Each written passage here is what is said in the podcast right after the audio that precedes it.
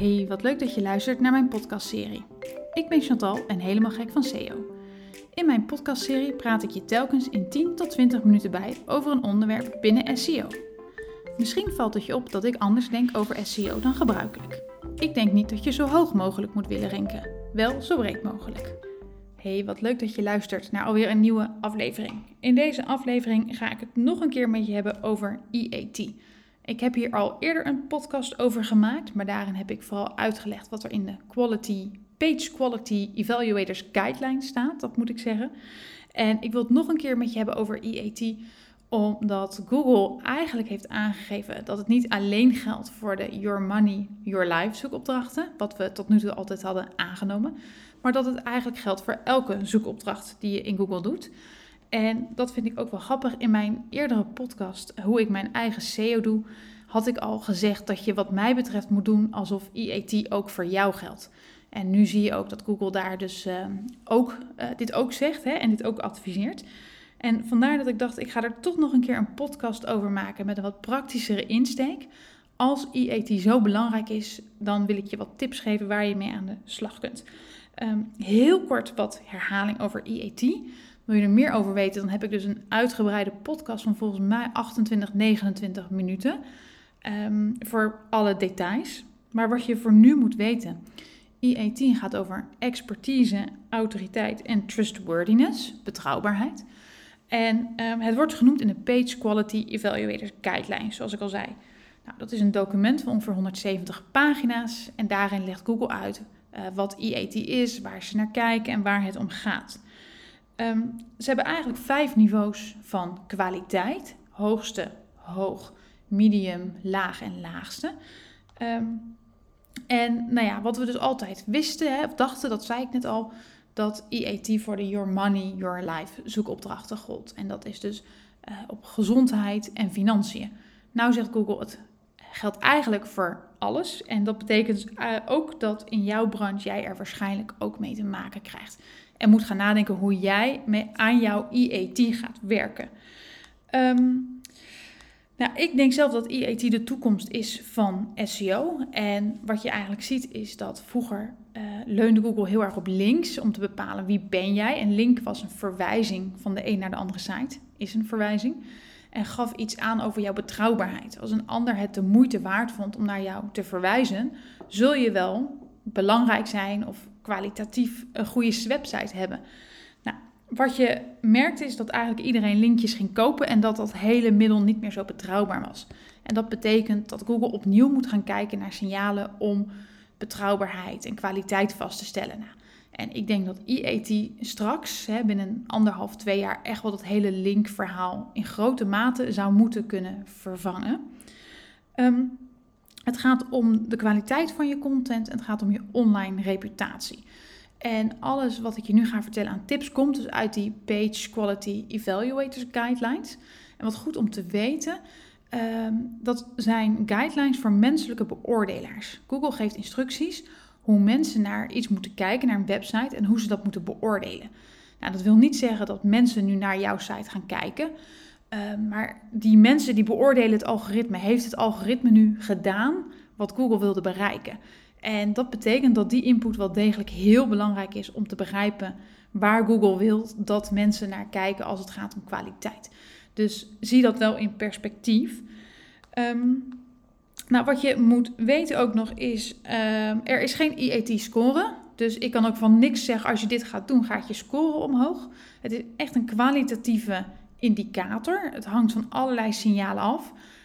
Um, en als er een partij komt met een score, dan ja, is dat waarschijnlijk al niet ja, is dat zinloos. Google kijkt daar gewoon niet naar. Um, Google geeft van alles voorbeelden ook. Het is heel interessant, die Evaluated Guidelines. Natuurlijk heb ik van deze podcast weer een blog gemaakt waarin ik er ook naar link. Dan kun je ze zelf bekijken. En ik denk dat je dat ook zeker even moet doen. Zeker pagina's 29 tot 37 kun je allemaal voorbeelden zien. En dat geeft je heel veel inspiratie. En wat je even goed moet weten is dat de A van autoriteit niks te maken heeft met domeinautoriteit of page-autoriteit, wat uh, tools vaak communiceren op basis van je linkprofiel. Het is een hele andere A. Die ene A is echt een soort van kwantitatief hè, een cijfer van wat dan je score is van je links. En dit is de A van echt autoriteit. Heb jij kennis en sta jij bekend in de markt? Nou, dan heb ik een aantal praktische tips, zoals beloofd. Ehm, het eerste waar je rekening mee moet houden. Google vindt de diepgang van je content ontzettend belangrijk. En wat zij daarbij zeggen is dat eigenlijk content aan minimaal één van de volgende vier eisen moet voldoen. Uh, is er tijd in aan besteed? Is er moeite in gestopt? Is er sprake van expertise of is er een duidelijk talent of vaardigheid van de auteur? Nou, heel uh, subjectief, hè? hoe ga je dit nou vaststellen? Wat ze nog meer zeggen is de content feitelijk juist en sluit de content aan bij de geldende consensus. Dus spreek jij geen wetenschappers tegen bijvoorbeeld. Nou, en dan is het belangrijk, um, is die content inhoudelijk? En uh, een andere update, de con, uh, Helpful Content Update, die geeft hier eigenlijk wat meer handen en voeten aan. En dan kun je zeggen van ja, hebben mensen meteen het antwoord gehad of in informatie, hoeven ze niet meer verder te zoeken. Um, schrijf je iets wat andere websites nog niet schrijven. Daar vullen die twee uh, algoritmes eigenlijk elkaar dus uh, aan. Um, de andere tip is dat je je content echt up-to-date moet houden. En dat betekent dat je regelmatig door al je oude artikelen heen moet gaan en kijken: is dit nog juist? Is dit nog accuraat? En anders moet je het updaten. En als je het update, pas dan ook de datum aan. Um, het beste is om te werken met een datum van published en een datum modified. En dat ook met schema.org, structured data, op te maken. Zodat Google, ja, die ziet dat natuurlijk sowieso wel, dat jij je content hebt aangepast. Maar ook voor je gebruiker is het gewoon echt wel goed om aan te geven wanneer iets geüpdate is. Dan weten zij ook, ik kijk er altijd naar als ik iets zoek van uh, jaren geleden of juist heel recent. Hè, dan zie je vaak in de zoekresultaten dat erbij staan. Dus die datum is echt heel belangrijk. En hou Google niet voor de gek. Um, toevallig was er laatst, heeft uh, iemand binnen Google zich erover uitgelaten dat je niet je datum moet aanpassen als je niks aangepast hebt aan je tekst. Nou, lijkt mij nogal wiedes, maar blijkbaar um, wordt daar dus ook een beetje mee gemanipuleerd. Um, maar ja, loop dus eigenlijk je oude artikelen door, zeker als ze heel veel verkeer aantrekken, is het belangrijk dat je er bovenop zit, dat ze up-to-date zijn en dat er altijd een datum van published en een datum modified of updated bij staat. Um, volgende tip: zorg voor voldoende ondersteunende content. Nou, Google noemt dit ook met naam en toenaam. En je kunt denken aan zaken zoals reviews of verwijzingen naar andere interessante items. En wat ze ook nog zeggen is zorg dat um, alles goed werkt. Dus ik vind dat een heel grappig uh, stukje in die guidelines. Zij zeggen ook tegen de evaluator: stop iets in de winkelmand en kijk of dat werkt. Als het een wizard is, vul hem in of een vragenlijst en kijk wat eruit komt. Nou, en dit soort dingen, zo'n wizard of een vragenlijst, is ondersteunende content. Um, foto's is ondersteunende content. Een videootje is allemaal belangrijk. Reviews van mensen die het product gekocht hebben, ontzettend belangrijk. En dat zie je ook in een van de beoordelingen van Google, dat zij een pagina met 600 reviews echt heel goed beoordelen. Um, vanwege die reviews. Dus dan weet je hoe belangrijk het is dat mensen um, ja, hun recensie achterlaten. Dus zorg dat je er ook mee aan de slag gaat, dat je die hebt en gaat verzamelen. Dan nog een belangrijke, zorg voor goede titels. En ook hier komt een stukje uit de uh, Helpful Content Update, die, die weer aanvullend is op EAT. Nou, waar je aan moet denken, zijn ze helder en concreet? Weet iemand meteen uh, waar het over gaat? Hè? Dus zijn ze beschrijvend? Is het duidelijk wat je krijgt als je erop klikt? En zijn ze niet misleidend? En heel belangrijk, dit staat ook letterlijk zo in die guidelines, zijn het geen vragen die niet te beantwoorden zijn. Dus een vraag als bestaat God, hè, waar we geen duidelijk antwoord op hebben of de meningen over verschillen, zou dus nooit de titel van een um, content item mogen zijn. Dus hou dat in je achterhoofd en kijk ook je titels nog eens na. Zijn ze niet uh, bewust chockerend of uh, uh, misleidend? En pas ze ook gerust aan als je dat wilt. Let er wel even op dat je URL's natuurlijk niet meewijzigen. Um, anders moet je redirecten en dat soort ja, aanvullende eisen even opletten. Um, andere tip, heel belangrijk. Vaak wordt EAT gezegd van ja, dat gaat alleen maar hierom. Hè. Wie is die auteur? EAT is heel veel groter, maar het is wel degelijk heel erg belangrijk. Wie is de auteur van de content? En dat betekent dat eigenlijk onder elk contentartikel kun je dat erbij zetten. Het hoeft niet alleen onder blog, mag ook op gewoon een pagina staan. Zeker als jij informatie geeft. Wie is de auteur? Een korte biografie onderop. Uh, met achtergrond, naam, uh, waar de kennis vandaan komt, opleidingen, uh, een soort van mini-cv'tje. Um, super belangrijk. ook, ook hier gaat Google hand in hand met die gebruiker. Die gebruiker weet wie het geschreven is en kan beoordelen of de bron betrouwbaar is. Maar Google kan het dus ook. Dus zorg dat je vanaf nu kleine biootjes onderaan hebt. En ook als je het zelf schrijft, zet het er ook bij. Ik heb het ook op mijn eigen site. En dan meteen de volgende tip. Maak daar dus ook auteurspagina's bij. Ik heb die ook op mijn site en over mij. En ik moet ook zeggen, ehm, na het lezen van de guidelines dacht ik, oh, die kan ik verbeteren. Dus dat ga ik binnenkort doen. Um, link vanaf die korte bio naar die auteurspagina waar iemand meer kan lezen. En zie dat als een soort van cv. Niet zo gedetailleerd, mag allemaal wel wat simpeler. Maar daarop moet ook weer duidelijk zijn: wat is iemand zijn kennis, zijn achtergrond, zijn ervaring? En kunnen we daaruit opmaken dat iemand betrouwbaar is en dat we uh, zijn of haar woord, dat we daarvan op aan kunnen. Dus dat zijn eigenlijk twee dingen waar je heel snel mee aan de slag zou moeten kunnen: die bio's en die auteurspagina's. Um, volgende tip, heel belangrijk: wat zeggen anderen online over jou? En dan komen we bij het stukje jouw reputatie. En Google zegt ook letterlijk dat die uh, evaluators op zoek moeten gaan naar wat andere partijen online zeggen over een webshop of een auteur.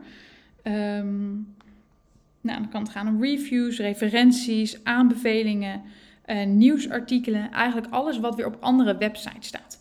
Om dat een praktisch voorbeeld te maken. Op andere websites wordt er wel eens wat over mij geschreven. Dat is dus ontzettend belangrijk. Dat andere websites in de SEO mijn naam vermelden. Ehm, en daarbij een soort van beoordeling geven dat het zo leuk, interessant, vernieuwend is. Ehm, dat zijn voor Google hele belangrijke kenmerken om te achterhalen: is deze persoon betrouwbaar en is het iemand waar we van op aan moeten en die we moeten meenemen in de zoekresultaten. En dan is het dus ook belangrijk dat je auteurs online op andere plekken schrijven. Ehm, als zij, hè, stel ik uh, sta op Marketing Facts, op Frank Watching, betekent ook dat mijn naam op zulke websites staat. Nou, ga ook kijken voor jouw auteurs uh, of voor jouw bijdragers. Waar schrijven zij allemaal nog meer? Als jij zelf de auteur bent, ga ook kijken of jij zelf op andere platformen kunt gaan schrijven. Dat is ontzettend belangrijk, dat je daar zelf staat met jouw naam, maar ook weer dat anderen daar iets over schrijven. Dus ik noem het eigenlijk altijd maar, ja, je moet jezelf in de kijker spelen. Dus ik vind het ook heel tof als andere websites weer iets over mij vertellen, hè, wat ik net al zei. Super belangrijk. Nou, dan de volgende tip. Ehm, en die vond ik een beetje bazaal, maar Google benoemt het echt expliciet en uh, uh, wijdt er ook best wel over uit. Dat is een over ons pagina, een contactpagina en een klantenservice pagina.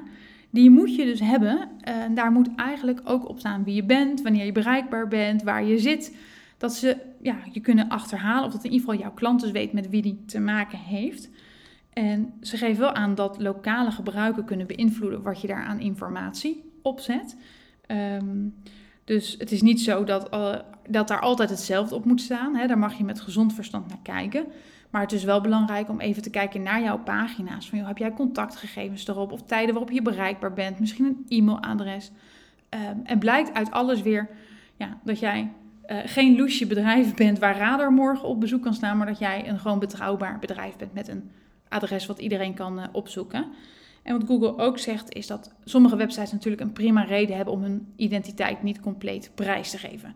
Um, als jij een persoonlijk blog hebt over uh, make-up uh, tips, hoef je daar natuurlijk niet op te zetten waar jij woont. Dat, dat doet er dan niet toe. En dat staat ook zo in die guidelines, dat er zo naar gekeken moet worden. Um, dus dat zijn de meest praktische tips om mee aan de slag te gaan.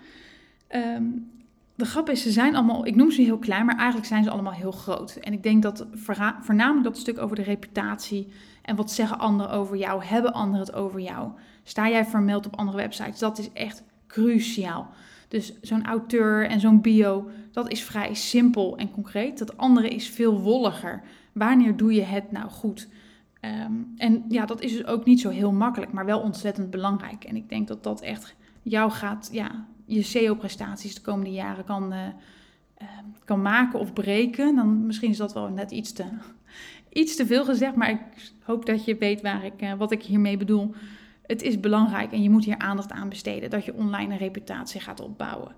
En dan de laatste tip pak toch even die quality guidelines erbij. En wat ik al zei, pagina 29 tot 37, dat gaat over de hoogste kwaliteit pagina's.